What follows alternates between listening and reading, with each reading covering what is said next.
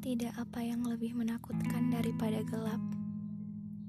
Ekspektasi, harapan, dan penilaian orang-orang terhadapmu yang terlalu berlebihan. Sampai kamu sendiri merasa kelelahan untuk menjelaskan. Padahal kamu tahu kamu tidak sebaik itu. Padahal kamu tahu kamu tidak seistimewa itu.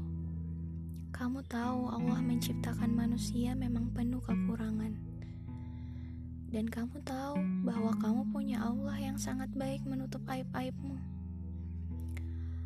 Lalu kemudian kamu mencoba berteriak, "Saya tidak sebaik itu." Tapi tidak ada yang mau mendengarkan.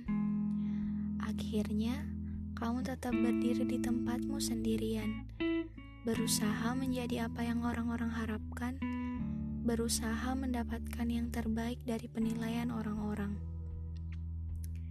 Tapi sampai kapan? Apa tidak lelah